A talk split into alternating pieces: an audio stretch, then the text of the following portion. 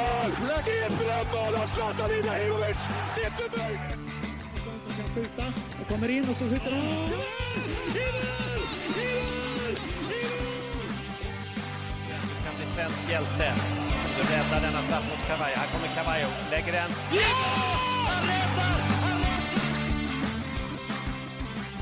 Ja, men då så, då hälsar vi er mycket, mycket varmt välkomna till avsnitt nummer tre av Bruttotruppen. Det är onsdag den 24 mars och det är lite mer än 24 timmar kvar till avspark mellan Sverige och Georgien och som vi ser fram emot det här och vi har några hektiska dagar bakom oss och några hektiska dagar här framöver och de dagarna hatar du inte eh, Konrad och de har du inte hatat.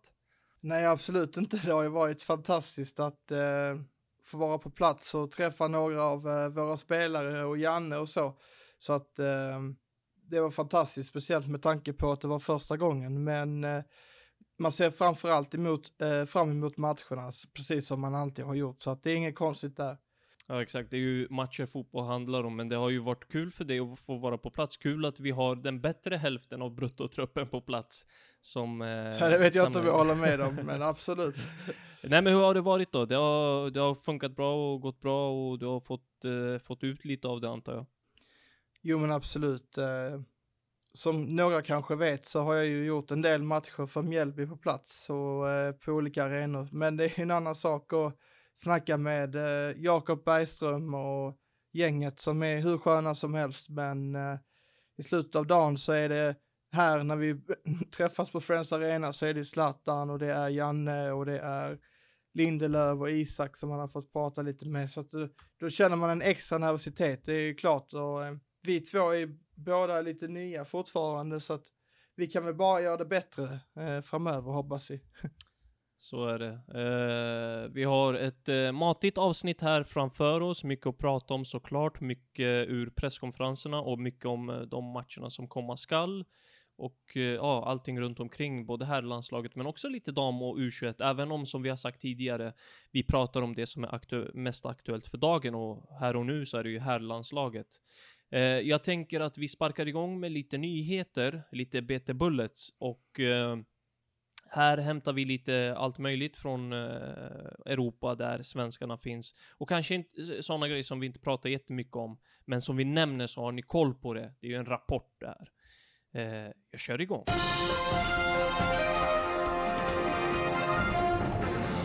Dubbel svensk lycka i Ryssland.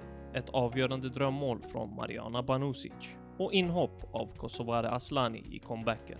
Det här är landslagsnyheter med BT Bullets. Ja, vi börjar i Ryssland där det till slut lossnade för Pontus Almqvist och Armi Gigovic när de med sitt Rostov besegrade Rotor Volograd borta i helgen. Gigovic öppnade målskyttet för Rostov strax innan halvtidspausen och i den 59 matchminuten var det Almqvists tur att sätta ett mål. Målen var spelarnas första för säsongen i en match som landade på slutresultatet 4-0. Vi tar oss vidare till England där Ken Sema mer eller mindre gör sig oumbärlig för sitt Watford. Championship-klubben ställdes mot Birmingham på hemmaplan och matchen hann knappt börja innan Sema slog till. Svensken gjorde 1-0 redan i den fjärde minuten och hjälpte sen sitt lag till en 3-0-seger. Watford placerar sig nu på andra plats i tabellen. Och nu damnyheter. FC Rosengårds Hanna Bennison har rankats som världens största talang i en lista som den ansedda sajten goal.com ligger bakom. Motiveringen bakom beslutet lyder citat. Med sin underbara teknik, fysik och näsa för mål belönades Bennison med A-landskamper i november 2019 mot världsmästarna USA. Och milstolparna har fortsatt komma för 18-åringen som gjorde sitt första Champions League-mål i december med distinkt avslut i krysset. Slutcitat. Bennison har spelat fyra landskamper för Sverige och över 35 matcher för FC Rosengård. Därifrån vidare till Italien där Roma-spelare Mariana Banusic gjorde ett läckert mål i stormötet med Inter i italienska Calcio Femminile. Banusic höll sig framme i den 72 matchminuten när Anna Maria Serturini satte in en crossboll i straffområdet och svenskan makalöst och vackert kunde cykelsparka in Romas fjärde mål i matchen. Det målet blev avgörande och Roma vann till slut matchen med 4-3. Vi avslutar kort i Spanien där Kosovare Aslani gjorde comeback när Real Madrid mötte Levante i helgen. 31-åringen var tillbaka efter en tidsskada och hoppade in i den 79 matchminuten. Ja, en kortare variant av BT Bullets den här gången. Eh, bara lite kort och snabbt. Var det något du fastnade för, Konrad? Man måste ju säga eh, Banusic mål för eh, Roma som var helt otroligt och eh, det var ju någon som ville göra sig rolig och jämföra det med Graziano Pelé. Eh, det var väl fotbollskanalen Europa tror jag, men eh, jag tycker att hon eh, gjorde det extra snyggt faktiskt. Så att, men det ju två cykelsparkar eller vad man kallar det. Jag, jag har alltid svårt för att liksom benämna det där, för det är ju olika grejer för sådär, men mm. det var ett fantastiskt mål och det är väl veckans behållning tycker jag. Ja, men verkligen var, alltså, det är ett tekniskt nummer som vi sällan får se ute på den absolut högsta nivån liksom. Så all cred till Panusic. Både att våga göra det, visst vi är en 3-1 ledning, men att våga göra det i en stor match eh, som det här och att, ja men, ha pondusen och bara steppa in i straffområdet och göra det hon gör. Det är fantastiskt.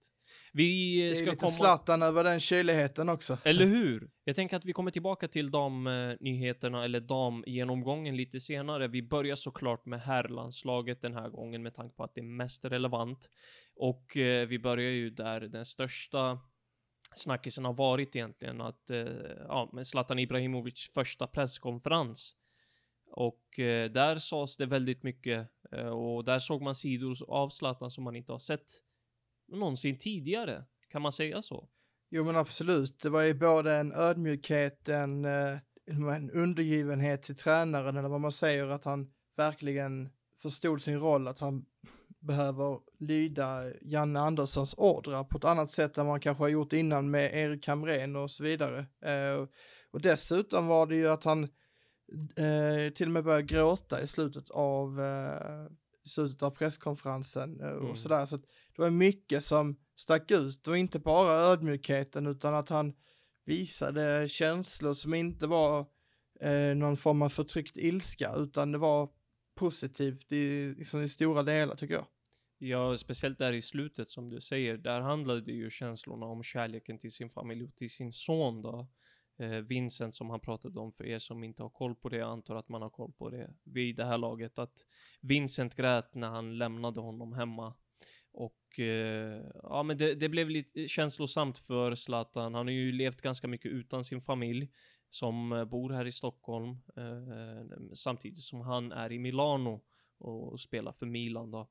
Nej, men som sagt, det var en Zlatan som man inte alltid ser eller aldrig någonsin har sett kanske som både var, han hade väl stort tålamod för media också, det sa han ju också där, eh, vet, eh, påpekade det vid ett flertal tillfällen och bjöd på sig själv som han brukar göra, men också på ett ja, men nära sätt som man uppskattar. Du var ju själv på plats. Vad fick du för känsla av Zlatan i rummet liksom? Nej, men det var ju att eh, man inte alls kände den här förtryckta ilskan, eller inte ilskan, men stämningen mot eh, journalister och sådär. Jag har inte träffat honom tidigare, men när jag fick ställa min fråga till honom så eh, log han mot mig och han tog emot den och svarade på ett väldigt eh, bra sätt som gjorde att man kände att han faktiskt la lite tid och fundering i det man sa. Eh, och för mig som som vet att storspelare inte ger så mycket så kändes det verkligen givande att få något sånt av Zlatan och eh, oväntat på något sätt. Ja, han brukar ju ofta ha en sån här, eh, en barriär mot media, eh, om man uttrycker mm. det så liksom, alltså så här, eh, en liten spärr och eh, går man över gränsen så kan det liksom, inte smälla, men eh, det kan bli liksom hårdare tag från hans sida. Men du nämnde där att du ställde en fråga till honom och den tycker jag att vi tar och lyssnar på. Ja, Zlatan, eh, vad tycker du om de unga talangerna som är en del av landslaget idag? Och eh, hur känns det att ha varit deras idol? Det, det, det känns spännande. Det, det är nya ansikten, nya spelare som har kommit in och som man ska lära känna både på och utanför plan. Så det är mycket som händer i fotbollen. Allting utvecklas åt rätt håll. Och jag är fortfarande kvar. Jag ska bara hålla, hålla deras tempo, vilket är det svåra även där hemma i, eller mitt andra hem i Milano. Det är just därför man måste träna för att liksom hänga med tempot i dagens fotboll. Sen om jag är deras idol, jag vet inte, när vi är på plan ska vi glömma det. Vi, vi är lagkamrater på plan och vi, vi är ett. Så då, bra. Då, då har jag gjort något bra idag. Mm, Idol sa du Konrad eh, och eh, det är minst sagt, alltså det är nästan eh, nästan små ord i jämförelse med det han har varit, men ja, du förstår nu vad jag menar. Det, Mm. Han har ju minst sagt varit idol för många där i landslaget. Bara ta Kulusevski och Isak såklart. Och många andra där omkring, liksom Jesper Karlsson och allt vad det är. Eh, men han sa lite annat också. Jo, men du får inte glömma Mattias Svanberg faktiskt där. Just det, Ehm, tack. Jag har ju, jag kommer ihåg att vi, vi spelade i fotboll tillsammans som små och eh, då var det ju fotbollspärmarna från VM 2006 som jag minns allra mest och då hade vi allihop, eller båda två, eh, hans bild och tänkte att det här kommer bli coolt i framtiden. Och nu i efterhand så sen förstår man ju hur stort det där är, de spelar ihop. Jag är ju trots allt bara en eh, bricka i mediaspelet jämfört med Mattias liksom, men eh, nej det är häftigt, men Mattias som är ung också, jag menar eh, den här unga generationen här som Zlatan kanske gillar, Dejan och Isak och, och Mattias och Jesper som har den här tekniken och farten och ut, alltså den här utländska, spanska, kanske lite franska fotbollen, mycket bra fysiskt liksom, men också väldigt bra tekniskt och med bollen. Ja, han påpekade ju det också, att det kräver mycket träning för honom att kunna hänga med de yngre förmågorna. Eh, och vi vet ju att eh, Zlatan tränar en hel del för att hålla sig fit liksom. Eh, men eh, spännande. Det, man får inte nämna hans ålder, det var han ju tydlig med. Eh, Anna, annars jag var ju det- nästan där, jag var nästan där, men Ja, eh, Vilken tur att du inte jag gjorde klarade det. mig. Ja. Eh, nej men han, eh, det kändes som sagt som en Zlatan som var väldigt nära att, eh, ja men bara där när han ser att det pirrade till i magen av att se nya ansikten. när Han klev in där eh, på Scandic och träffade laget och eh, visst, han kände igen vissa ansikten som Seb Larsson, Micke, Micke Lustig och så, men sen så fanns det de här yngre förmågorna och, och det är nog de som får, får det att pirra till i magen för honom och jag tror att det på något sätt får honom att känna sig levande. Och eh, därför känner han liksom det här att, ja men nämn inte min ålder. Eh, för jag, det är inte relevant i det här, utan fotboll, och han pratar också om att fotboll är, är ett enda språk och här pratar vi det språket och ingenting annat. Eh, jag tror att det kommer betyda väldigt mycket att ha en, den, just den här Zlatan, jag har nämnt det tidigare, det känns som att han kommer in i ett landslag som väldigt mycket liknar det Milan han kom in i för drygt ett år sedan. Annars så tänker jag att eh, vi har ju haft fler presskonferenser. Eh, vi har ju bland annat Granqvist som också har varit ifrågasatt, eller också, som har varit ifrågasatt om han ska, om han överhuvudtaget borde funnits med i truppen eller inte. Och eh, han ser ju det själv att, eh, med, citat, jag kan vara en länk mellan truppen och tränarstaben, slutcitat. Jag, jag kan köpa det till viss del, men eh, ska han kunna ta upp en hel plats i truppen för att vara den här länken, tänker jag. Alltså, kan man verkligen ta upp en plats för någon som inte kommer finnas i en elva som inte är tänkt att spela? Det är en väldigt befogad fråga och eh, jag tror att Sebastian Larsson och Albin Ekdal hade kunnat sköta det utan att Granqvist är med. Eller Zlatan för den delen, men alltså om jag tänker på de som har varit med nu konstant. Eh, men jag tycker någonstans att Zlatan, eh, eller jag menar Granqvist, att han, han ger ju någonting, han ger ju en attityd, han ger ju en lägsta nivå ändå som, alltså när vi snackar hur man är som person eh, och hur man presterar på träningen. Kanske inte att han är bättre än Lindelöf eller att han är bättre än någon där, men att han vet vad han pratar om, han har en väldigt stor pondus och han har dessutom en trovärdighet i det han säger.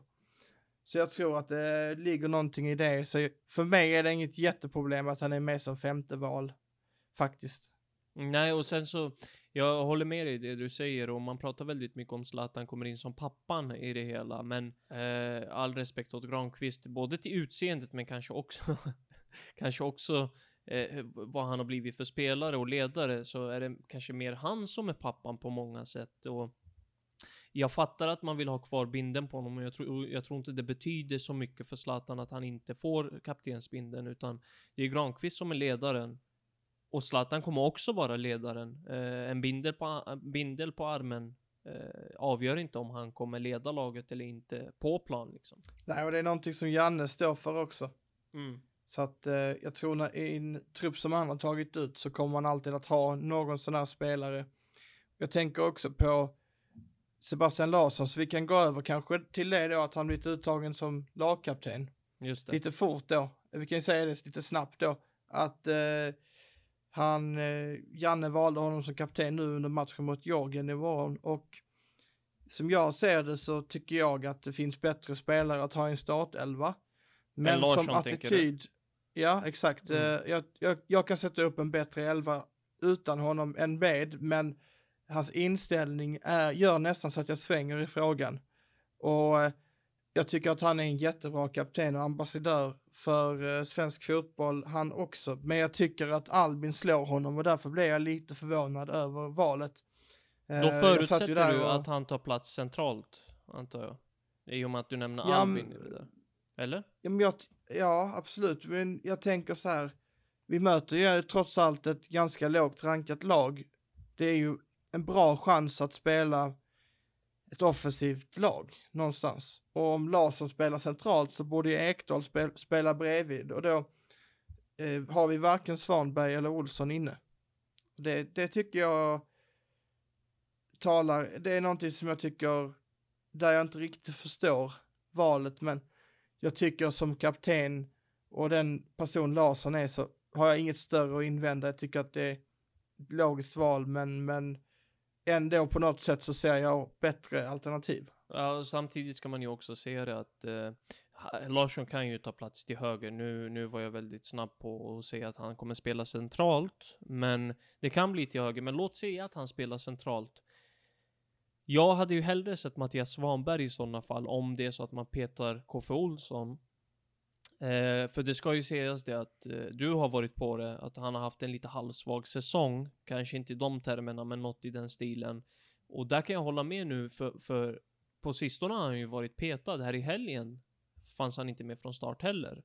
Så det kanske är någonting där som inte stämmer riktigt med formen. Och då, då är ju frågan, ska man spela Larsson? Och då kanske man gör det för rutinen. Men som du säger, då har man ju Ekdal med ledaregenskaperna där på mitten och då hade man kunnat ha Mattias Svanberg liksom. Ja, nej men det, det är en spännande fråga. Nu när vi ändå är inne, inne på truppen och eh, vad vi tycker om de olika alternativen där. Vi kan väl, eh, du ringde ju upp Erik Edman av alla, en av eh, de största, om inte den största vänsterbacken genom alla tider i det svenska landslaget. För att höra vad han tycker och vad han tänker om det svenska landslaget här idag. Eller som han sa det så, var Augustinsson vassare enligt han själv då. Ja, men- eh, men- det vet jag inte om jag håller med om. Nej, vi, vi tar och lyssnar. Kan vi börja med att eh, du får presentera dig själv lite kort bara på en minut eller så? Ja, mitt namn är ju Erik Edman. Jag har gjort några mästerskap också där, EM, VM och eh, idag arbetar jag med lite olika saker. Tränar i Hittarps IK, division 3. Eh, kör lite expertkommentering på Simor i samband med landskamper till exempel. Eh, jag är lärare på en skola här i Helsingborg, då, Filborna också, där jag kör lite lektion, tävlings och träningslära. Eh, och även ja, lite allsvensk expert på Fotbollskanalen. Så det är väl det jag pysslar med nu för tiden. Ja, precis. Så i egenskap som en landslagsexpert och dessutom gammal landslagsspelare så undrar vi hur du, hur du ser på den nuvarande truppen som har tagits ut till eh, VM-kvalet och om du saknar någon spelare i, eh, just nu.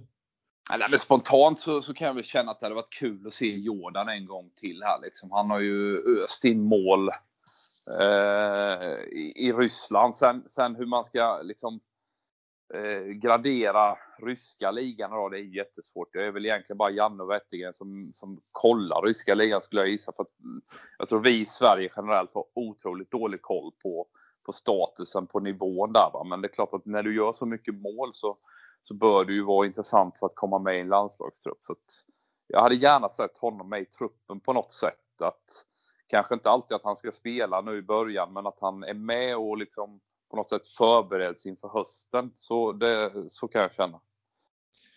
Eh, är det någon av nytillskotten som förvånar dig i truppen som är Jocke Nilsson och Jesper Karlsson?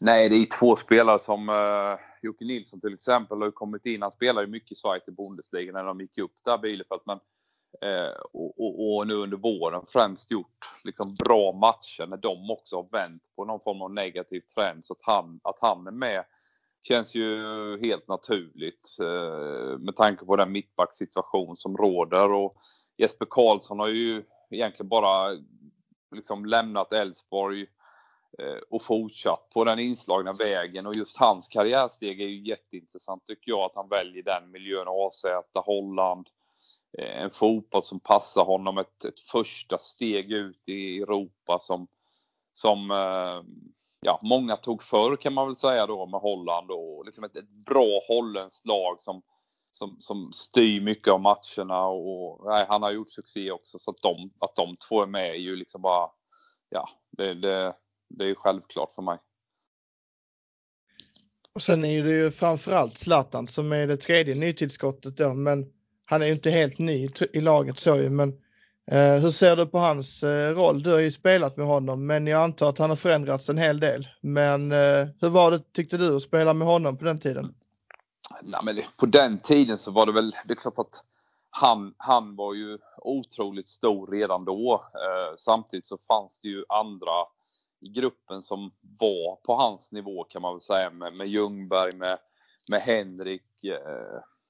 Framförallt kan man väl säga då de, de, de tre tillsammans då. Det var ju också ett smeknamn med Super Swedes kan man väl säga också då, där, där det var tre spelare på den absolut högsta nivån.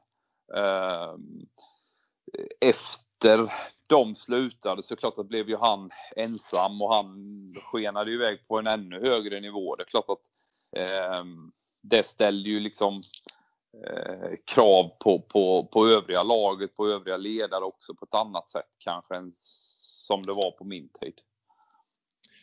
Ja precis så eh, jag pratade ju med lite med Zlatan på presskonferensen faktiskt och då frågade jag honom om, eh, om vad han tycker om de nya eh, unga stjärnskotten som har kommit upp i landslaget och eh, vad han vad han tycker om att ha varit deras idol så sa han ju att det var väldigt, det, alltså att han tyckte det var spännande och sådär och att det var eh, han verkade ha lite problem med det här med att han är 20 år äldre än, alltså min spontana känsla med att få analysera, att han är nästan 20 år äldre än till exempel Dejan och Alex och, och Mattias för att nämna tre stycken då. Ja. Eh, men ser du också den liten åldersnoja där komma fram kanske?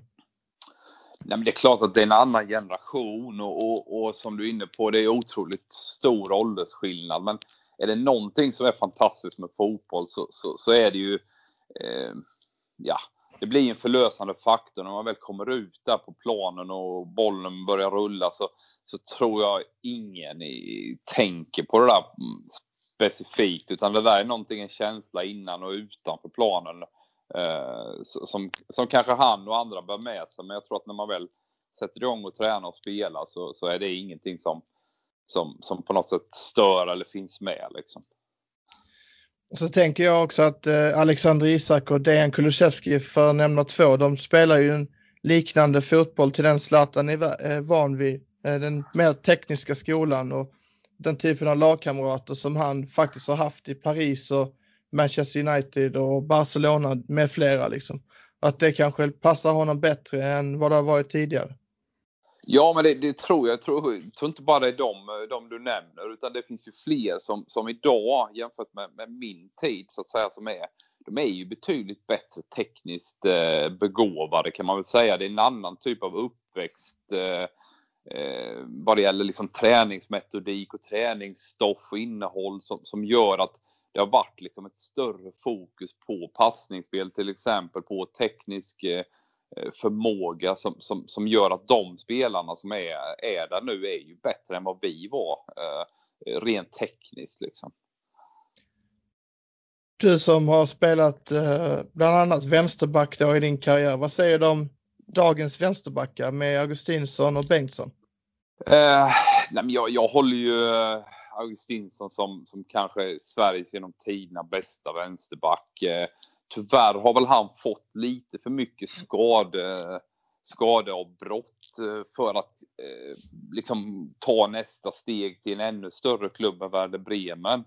Eh, det hade varit kul att se honom frisk under längre tid. Eh, han, jag tycker han, han, han är liksom solid bakåt och, och väldigt bra framåt. Så för mig är det en ganska komplett vänsterback, men han hade behövt vara frisk för att kunna ta nästa steg liksom till, till en ännu större klubb och, och, och, och kanske liksom slå sig in i i det där toppskiktet eh, vad det gäller då om du tar Isak Kulusevski liksom till exempel. Eh, Forsberg också. Nej precis och eh, sen så tror jag att han hade mått bra av att få flytta någon annanstans där de spelar lite mer possession också. Han får göra lite, för han, det han gör mest i Werder Bremen det är att jobba defensivt och han har ju mer kvaliteter offensivt tyckte jag också så att eh, eller han, han har ju defensiva kvaliteter men han har ju mer offensivt än vad han får visa, det är det jag menar så att eh, men eh, just kopplat till det, vilket, vilket mittlås ser du i, i landslaget just nu? Bredvid kanske då Lindelöf given men sen finns det ju väldigt många där till.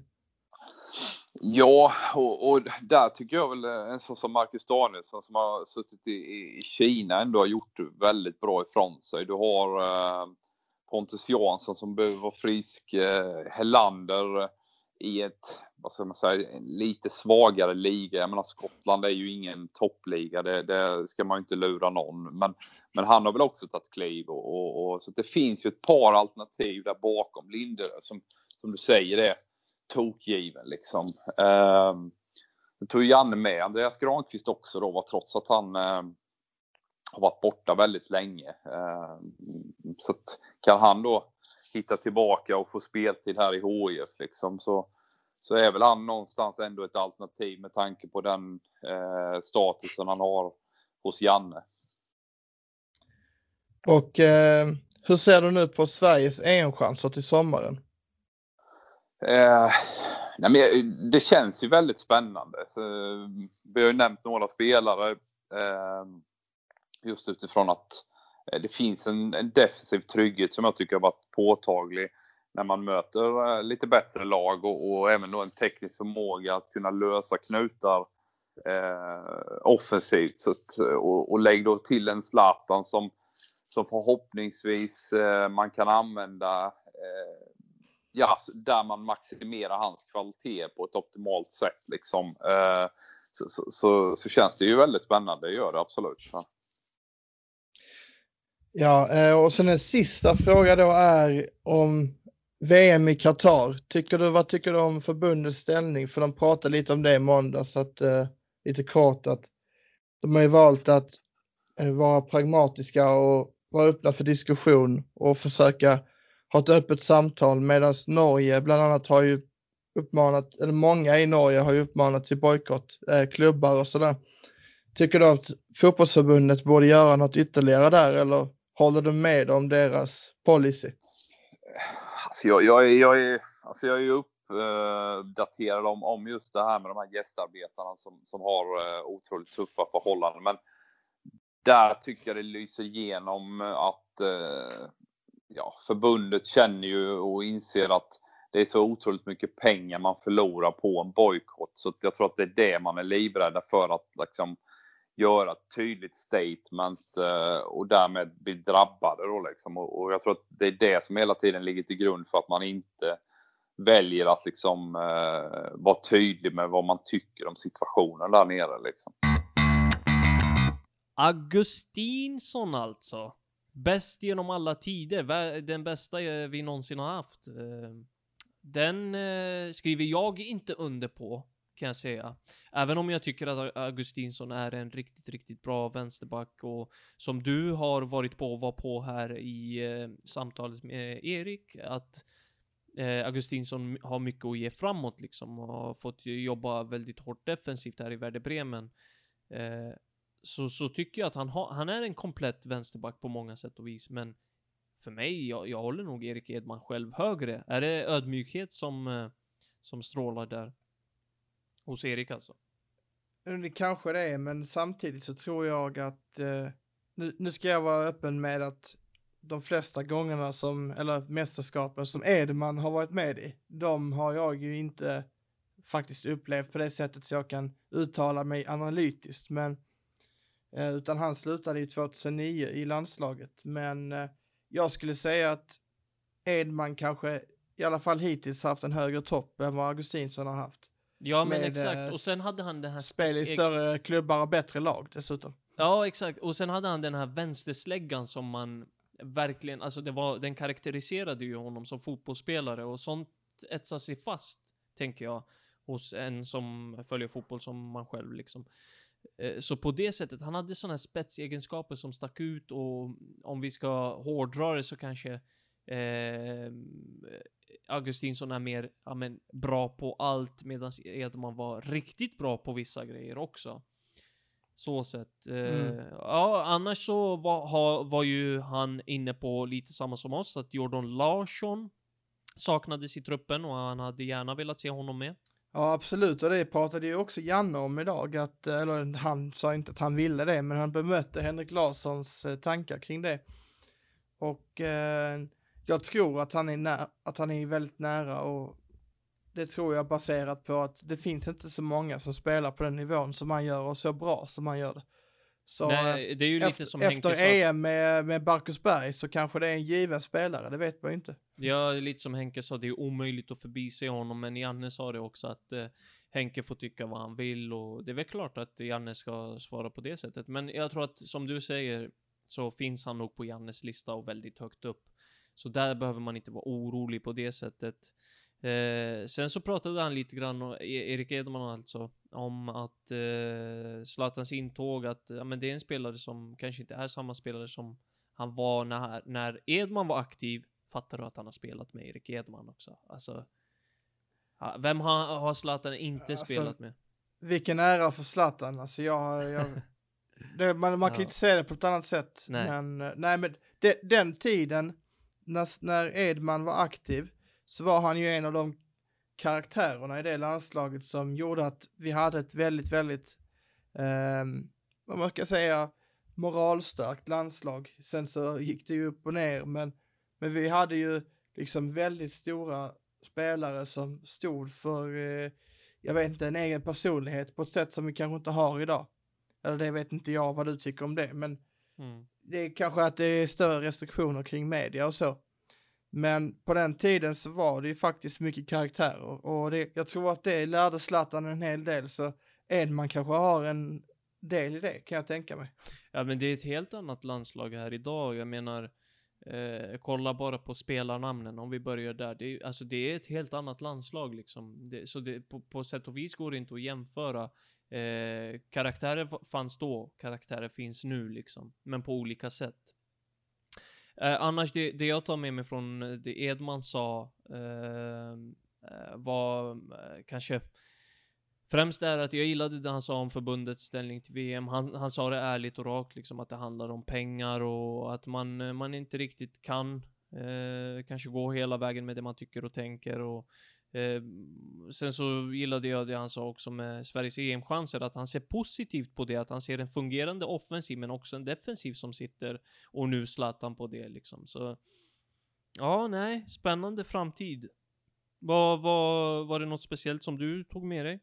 Eh, nej, jag tyckte det var allmänt sett ett, ett bra samtal där vi fick eh, Absolut. stöta och blöta lite så. Jag tycker det är roligt med en person som verkligen kan uttala sig utifrån egen erfarenhet. Jag eh, skulle väl inte säga att jag har någon större erfarenhet av landslagsfotboll direkt, utan eh, den har väl kommit idag att jag har kollat på en, ett, eh, en träning med landslaget och sett någon landskamp när jag var liten.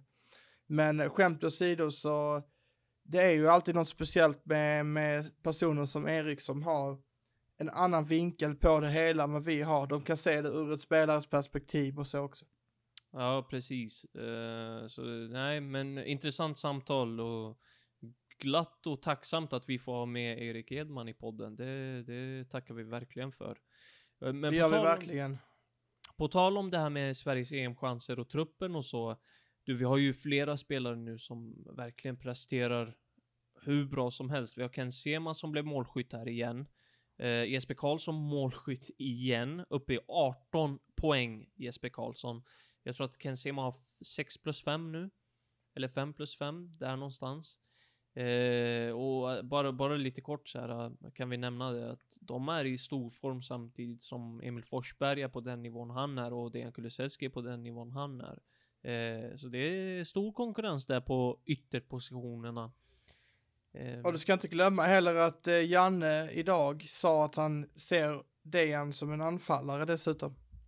Ja, men han är ju också ett alternativ till höger, men det, det är Mm. bra att ha med sig det där. Eh, det kanske blir han som till slut eh, startar eh, jämsides med Zlatan liksom. Eh, så det får vi se, för jag förutsätter att Ibra startar liksom. Men på tal om anfallare också, Marcus Berg tränade individuellt på första passet, kommer inte finnas med. Både han, Joakim Nilsson och så hade vi Granqvist som sedan tidigare Alltså, det är nämnt att han inte ska spela liksom. De tre missar morgondagen. Har vi koll på det? Eh, ja, eh, Marcus Berg sa det också på presskonferensen igår tisdag att eh, eh, citat, jag och Ola Toivonen spelade en hel del ihop och då var det eh, jag som gick mer i djupet. Sen när han lämnade blev jag mer target och jag känner att jag behärskade det spelet också, slutcitat. Eh, han kan väl fungera bredvid Zlatan och han är väl inne på lite grann det, det jag och du har pratat om här i podden. Även om vi inte har berört det på samma sätt så, men eh, det kan funka. Det är ungefär det vi har sagt ju, att Ja. någon måste vara target och nå- eller eh, bollmottagare. Och någon måste vara den som går i djupet, den som eh, gör det smutsiga jobbet som man så konstigt kallar det. Men eh, Mm, mm. Nej, men det blir spännande att se hur vi ställer upp mot Jorgen och eh, som du sa, Janne var inne på det där va? Du eh, ställde en fråga till honom. Vi kan ta och lyssna på hur det lät. hur ser ni på motståndet imorgon? Och eh, frågan är till båda. Nej, vi har tittat en del på dem. Det, det är ju ett lag som vi har ett antal eh, tekniskt väldigt skickliga spelare som vill spela sig fram i planen och, och eh, har kvalitet i det spelet. Eh, har ju inte gjort några jätteresultat på det sättet att de, de missade ju att ta sig till Nations, eller till EM via Nations League, då, finalerna. Eh, så att eh, de är ändå nära att komma med sig till EM. Men ett lag, en nation som är lägre rankad, men som ska behandlas med allra största respekten, eh, som alltid, som jag sagt innan. Eh, Bytt förbundskapten, är alltid lite störande på det sättet att eh, det kan hända grejer. Samtidigt så har han ju bara två dagar på sig också att göra de förändringarna som han vill göra i så fall. Så vi får väl se lite hur det kommer se ut imorgon och därför har vi ju vi har visat bilder både på deras försvars och på deras anfallsspel som vi alltid gör och pratat lite kring det. Men spelarna har fått ganska lite information utifrån det sättet. Vi brukar säga att vi inte är helt säkra på hur det kommer bli så, så brukar vi inte delge så mycket. Men lite har de fått se att det finns skickliga spelare. Och att, men sen har vi framförallt då jobbat på våra egna grundprinciper de här dagarna. Det är där vi lagt huvudfokus. Det var egentligen huvudfokus. Jag vet inte om det finns så mycket att tillägga eh, till det. Det var ungefär så. Ett Jorgen som har en del offensiva pjäser som är eh, vassa. Eh, reagerade jag lite grann på. Eh, vad, vad tänkte du på när du hörde Janne säga det där? För det första så tänkte jag på att den bilden jag har av eh, Jorgen stämmer, nämligen att de kanske inte skulle ha så bra koll på vilket motstånd som väntade. Å andra sidan har de ju bytt tränare alldeles nyligen och eh, man eh, förväntar sig ett annat, en annan approach eller ett annat spelsätt från Willy Sanjols nya lag. Så att eh, därför så förväntar jag mig inte att Janne skulle berätta i detalj hur alla spelare löper och sådär, utan eh, Eh, jag ville bara att han skulle ge bilden av Jo- eh, Jorgen som det var i höstas kanske, eh, och det gjorde han ju så att jag tycker nog att eh, dessutom var jag väl den enda som frågade om motståndet imorgon eh, på Jannes konferens, så eh, då fick vi veta lite om det också. Eh, det, det tycker jag kan vara bra att ha med sig liksom. Absolut. Och ja, det är lite konstigt att folk inte frågar om matchen. Och Janne brukar ju säga det, att det är ju det han gillar att prata om. Jag, jag vill prata fotboll, brukar han säga i intervjuer på, presskonferenser. Det är här, där, jag, jag älskar att prata om fotboll, matcherna, träningarna och så. Eh, vi kan också nämna det att eh, Jörgen Jorgen som motstånd, eh, han, han pratar väl lite grann om underskattning där också. Janne, att man inte ska underskatta den utan att man går in i den här matchen och har respekt liksom. Så, eh, som du nämnde så har man en ny förbundskapten i Willy Sagnol eh, som tar över här och gör eh, sina första VM-kvalmatcher. Eh, Jorgen kommer ju från fem raka utan seger. Eh, 0-0 senast mot Estland som Sverige också ställs mot eh, här nästa vecka i en träningslandskamp. Eh, jag läste igenom presskonferensen eh, eh som Willy Sagnol höll i efter laguttagningen och eh, jag ska säga det också att min georgiska, eh, ser man så? Den är inte den bästa. så jag har fått ut lite grann i alla fall.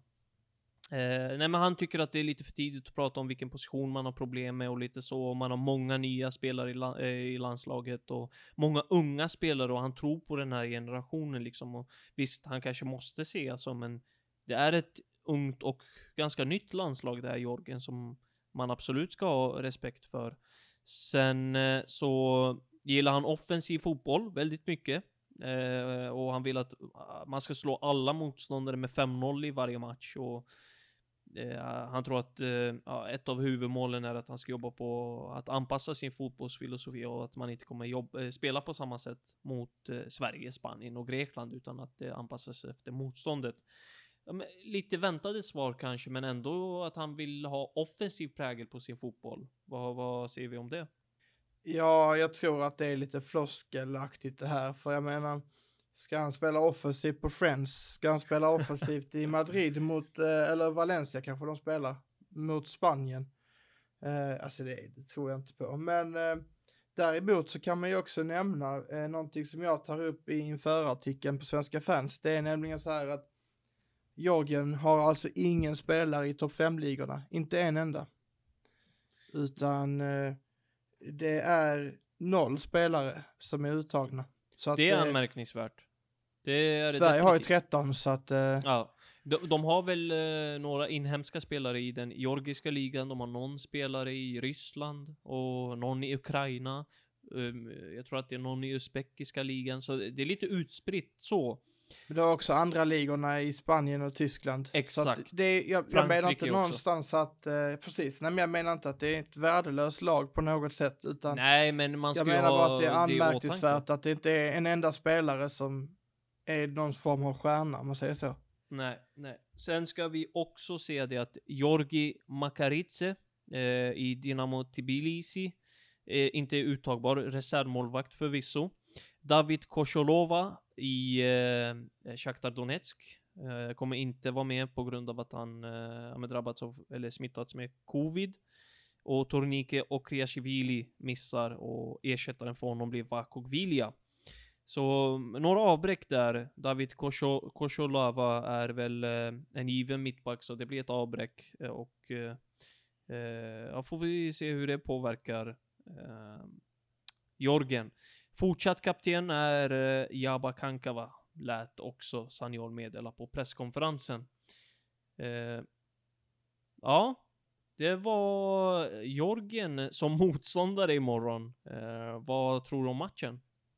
Jag tror ändå på en ganska bekväm seger faktiskt till, till slut. Det stod jag och Daniel Danskog och pratade om lite efter första konferensen med Zlatan att eh, det kan inte sluta på något annat sätt än med seger. Eh, men eh, som Janne sa, man ska aldrig underskatta någon och eh, han är väl chef på det här i, i Sverige med att inte underskatta någon någonsin. Verkligen. Verkligen. Han brukar ju, han har ju pratat om de här blåbärsnationerna inom citationstecken då. Eh, och att man ska ha stor respekt för alla dem. Eh, och att man går in i de matcherna precis som vilka matcher som helst. Så det ska bli en spännande match. Eller spännande vet jag inte om den blir, men det ska bli spännande att se landslaget, om inte annat. Ja, på damfronten så var det ju Maria Banusic som var i centrum, som vi nämnde lite kort. Eh, och eh, det, är ju, det är ju kul som sagt att eh, få avgöra med en sån sanslös bissa. Eh, men det har vi redan rundat av. Eh, det vi kan nämna också är ju det som nämndes i nyhetsrapporten där att Aslani gjorde comeback. 15 minuter fick hon i förlusten mot Levante. Eh, det är ju skönt att hon eh, men blir kvitt den här skadan tänker jag, att man slipper vara orolig. Jo, absolut. Och det, det borde ju vara en startspelare nu i april när det är dags för landskamp. Och kan jag tycka, om, han, om hon nu är frisk, men, men någonstans så finns det ju formstarka spelare bakom så att eh, en, eh, en roll för och sådär som inte kommer att tacka nej. Eller en Hurtig till exempel. Ja, exakt. Och Aslani är ju både, på tal om ledarfigurer som vi har snackat om här, här i landslaget, så är det är minst sagt en ledarfigur som både besitter eh, enorma kvaliteter rent fotbollsmässigt, men också just det här med att leda laget. Eh, kul att hon är tillbaka, eh, lär säkert finnas i startelvan. Eh, känns som att man skyndar långsamt, men så småningom så finns hon med för Real Madrid. Som en tung förlust mot Levante där i toppen av eh, den spanska ligan. Mia Persson som vi nämnde förra veckan, det kommer du ihåg va? De, Jo, men absolut. Med Slavia Prag, de drog ju igång eh, de drog ju igång eh, den tjeckiska fotbollen eh, så sent som för två veckor sedan och då vann ju Slavia Prag med 6-0 och de slog Lokomotiva Brno så sent som i helgen med samma siffror som förra veckan. Och då blev ju Mia Persson målskytt. Känns som att det här kan bli vår spelare. Jo, det är det absolut. Så att eh, någon gång måste hon gästa. Det står skrivet i stjärnorna. Ska vi spika det Konrad? Jo, men jag tycker vi skickar iväg en, eh, ett meddelande här, här framöver faktiskt. Låter underbart. Eh, Mia Persson, det kan ni skriva in i er kalender. Jag vet inte vilket datum, men skriv så här en sidonotis om att Mia Persson kommer gästa bruttotruppen. Då har ni koll på det. Rebecka Blomqvist blev målskytt för Wolfsburg mot Bremen. Eh, och eh, den största snackisen då, Hanna Bennison utsedd till världens största talang av goal. Av alla tidningar. Eller sajter. Ja, det är fantastiskt och eh, det är ju lite tråkigt att visst, hon har ju fått uppmärksamhet, men om man ser på det här som faktiskt har hänt nu så tycker jag att det kunde varit ännu mer uppmärksamhet kring Hanna som eh, faktiskt har eh, tagit A-lagsfotbollen med storm, måste man ju säga, eh, sen hon tog steget upp. Det var väl ett par år sedan nu väl? Ja, det stämmer. Eh, det var väl 2019 hon debuterade för A-landslaget två, två eller tre år som var det i alla fall. Och, och det är fantastiskt att man i den unga åldern kan göra något sånt. Och eh, det finns ju egentligen ingen högsta nivå när man, när man är på, i, i den här, liksom i den här nivån, när man är 18 år som hon är nu, så eh, finns det bara eh, liksom himlen att sikta mot. Och någonstans så det blir intressant att se hur länge hon väljer att stanna i svensk fotboll. För det är där vi pratat om tidigare, vad är svensk fotboll idag?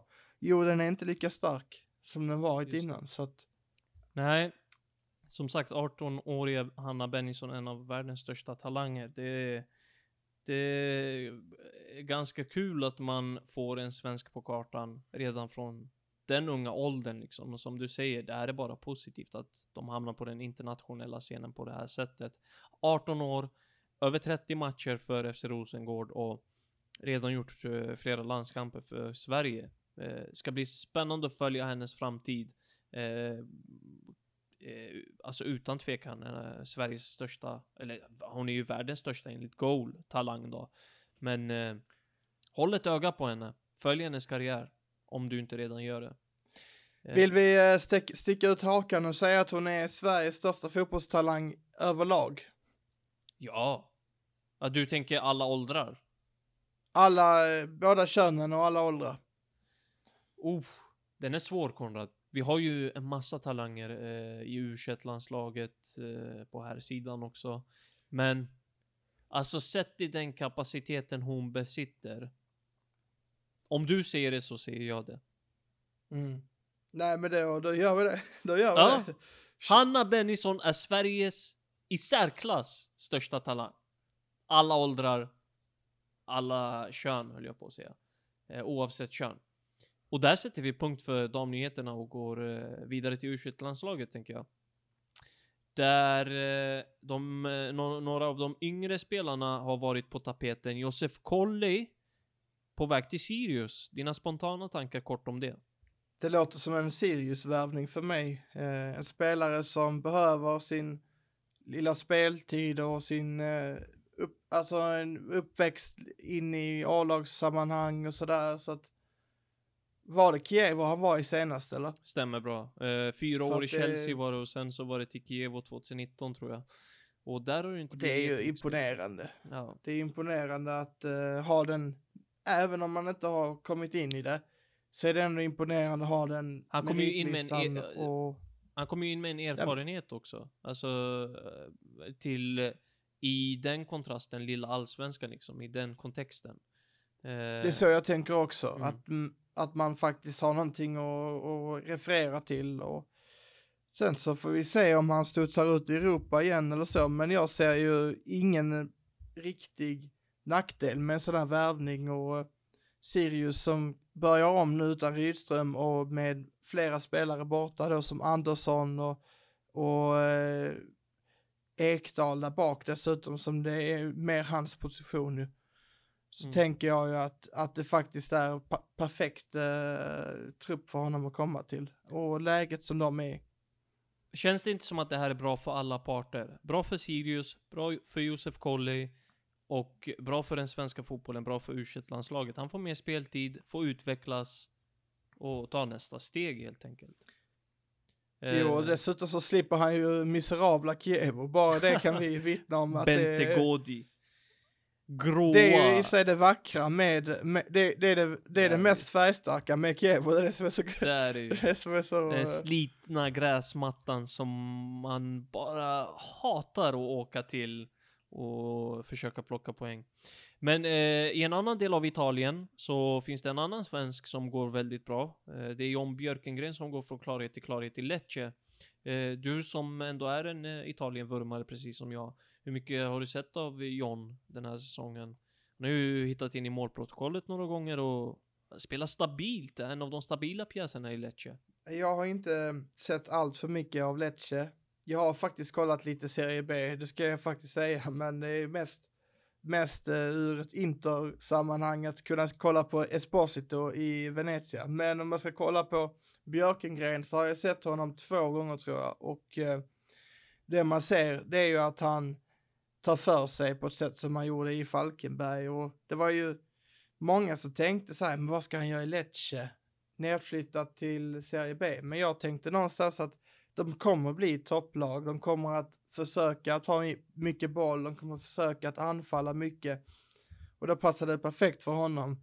Som jag ser honom så är han ju en stabil mittfältare med en offensivt eh, register dessutom och han har använt det tidigare, varför skulle han inte kunna göra det här? Så att jag Sen, tycker hej, att... hej, man ska inte glömma var eh, Lecce ligger geografiskt eller. Det är ju kanske eh, en av världens finare platser liksom, så det ska man inte heller underskatta. Nej, men det, det är inte som eh, Falkenberg, men absolut. Falkenberg är högt upp på listan vet du. Så, det är ganska fint ju. Det alltså, det, det ska man, det vi ska inte ljuga där. men men det, eh, det är lite annat än Falcon alkoholfri arena, är det inte så den heter? Jo, absolut. Och, men det, vi får inte glömma att nämna att Lecce ligger tvåa och därmed så är man ju på direktplats till Serie. A. Eh, tampas med Monza bland annat som rattas av Silvio Berlusconi och Adriano Galliani som är bekantingen från Milan. Det är fem lag som slåss om det nu så att eh, om topp två, eller sex till och med tror jag. Mm. Så eh, Ja, det är spännande att se. verkligen, verkligen. Spännande är också i Rostov där Pontus Almqvist och Armin Gigovic har gjort varsitt mål, Konrad, och de har spelat eh, 12 matcher hittills, eh, var. Och eh, nu kom eh, varsitt mål för första gången i samma match. Det, är- det är ju kul. Armin Gigovic, eh, mittfältare som har fina fötter och spås en eh, ljus framtid. Både, eh, samma med Pontus Almqvist som snarare är striker då. Eh, så det, det är kul att det börjar lossna för dem, även om det kanske förväntas mer poäng från Almqvist då. Eh, Ja, Almqvist han eh, smällde ju in mål eh, mot Italien i somras, eller i höstas var det. Precis. Men eh, så jag tänker att eh, det finns en del i den eh, gubben där att få ut så att jag tycker ju att Almqvist är nästan en given startspelare bara på grund av hur han är som spelare. Det här kompromisslösa och väldigt eh, självsäkra som jag gillar väldigt mycket med honom. mm, mm. Eh, så att ja, för mig så är det jätteviktigt att han kommer igång. Verkligen. Du, innan eh, vi rundar av helt och hållet så ska vi ta en veckans snackis. Och det har ju varit den svenska bortatröjan som jag vet att du har en åsikt om. Varsågod. Det var rätt så många som tyckte att den var väldigt snygg och en fullträff har jag till och med läst och 5 plus och 6 plus och Glenn Hysén har jag läst någon skrev så att men jag jag tycker att den är helt okej, inte mer än så och, och jag skulle ge den en två eller tre plus på en fem, eh, femgradig skala. Nu snor vi Sportbladet här, men det är väldigt enkelt att använda sig av den.